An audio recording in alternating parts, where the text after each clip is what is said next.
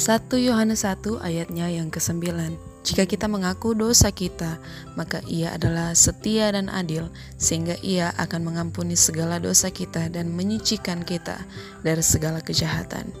Pasti beberapa dari great people pernah mendengar tentang dosa yang diakui adalah dosa yang diampuni. Untuk mengaku dosa kita kepada Tuhan atau kepada siapa kita bersalah, bukanlah hal yang gampang untuk dilakukan kita perlu keberanian ekstra atau keberanian yang lebih untuk melakukan hal ini.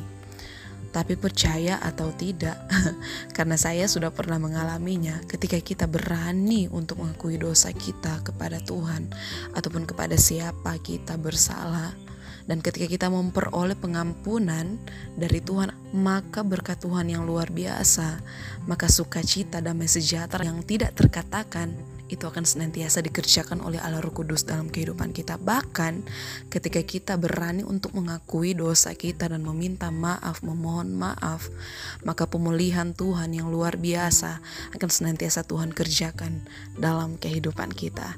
Terima kasih telah mendengarkan podcast yang singkat dari House of Prayer. Tuhan Yesus memberkati kita semua. Haleluya.